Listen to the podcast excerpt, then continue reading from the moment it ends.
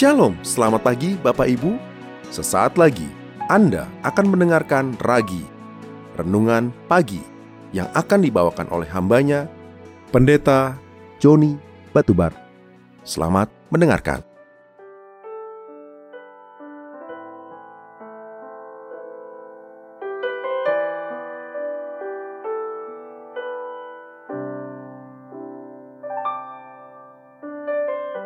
Shalom, selamat pagi Bapak dan Ibu sekalian.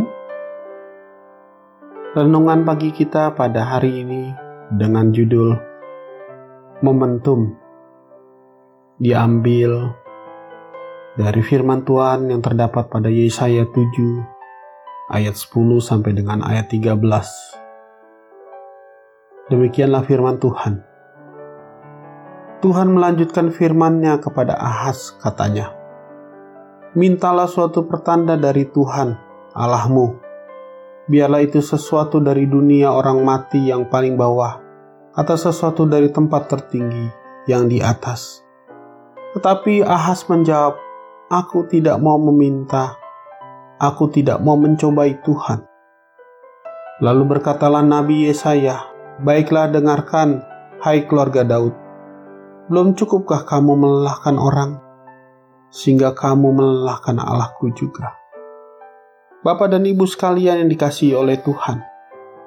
Dalam Yesaya 7 ayat 10 sampai dengan 13, Tuhan memberikan kesempatan kepada Ahas untuk meminta kepada Tuhan satu pertanda.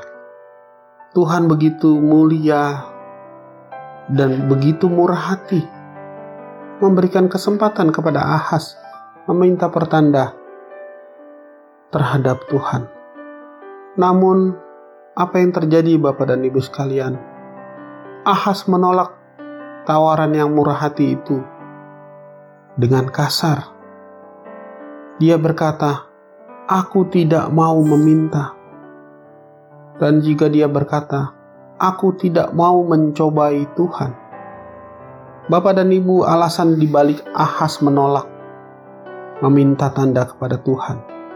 Karena sebenarnya selama ini dia bergantung kepada bantuan bangsa Asyur, pada kekuatan mereka dan kepada ilah-ilah mereka.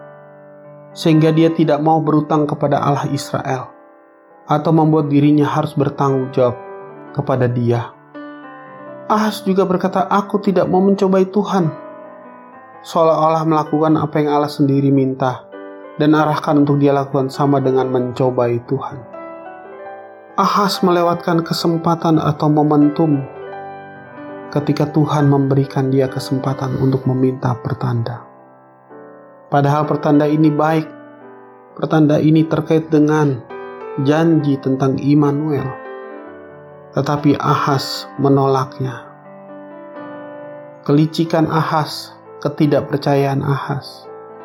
Kekerasan hati Ahas membuat Ahas menolak kesempatan yang diberikan Tuhan. Satu momentum terlewat dalam kehidupan Ahas. Begitu juga dengan kita Bapak dan Ibu sekalian. Seringkali juga Tuhan berbicara di dalam kehidupan kita. Jika di dalam Yesaya 7 ayat 10 sampai 13 Tuhan berbicara untuk memberikan kesempatan meminta kepada Ahad. Namun dalam kehidupan kita sehari-hari, Tuhan juga sering berbicara melalui momentum yang nyata di dalam kehidupan kita. Tuhan berbicara ketika kita berhadapan dengan orang yang menyakiti hati kita.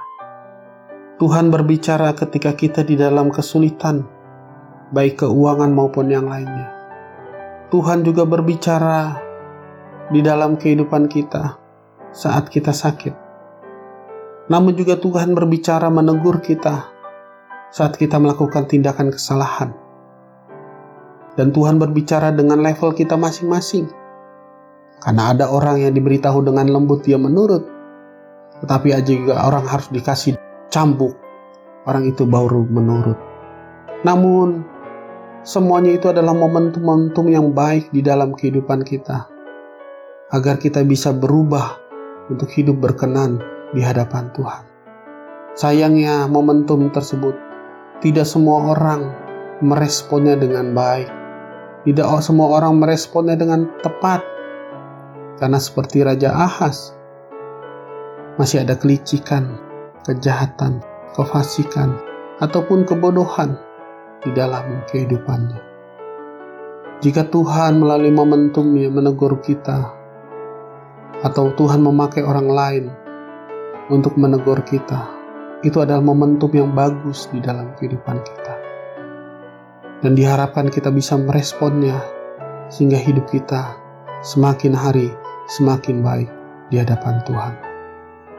Untuk itu, Bapak dan Ibu sekalian, mungkin setelah hari ini kita akan berhadapan dengan banyak momentum-momentum, baik momentum besar maupun momentum kecil, momentum yang mengenakan atau ataupun momentum yang tidak mengenakan.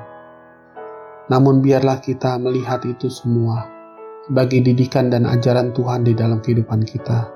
Dan marilah kita merendahkan diri kita dan hati kita untuk kita bisa melihat ini adalah hal yang baik yang Tuhan berikan kepada kita agar hidup kita berkenan di hadapannya. Demikian renungan kita pada pagi hari ini. Kiranya memberkati kita semua. Sola Gracia. Terima kasih. Anda baru saja mendengarkan Ragi, Renungan Pagi, Persembahan Gereja Suara Kebenaran Injil, Making Life Better, Balikpapan. Tuhan Yesus memberkati.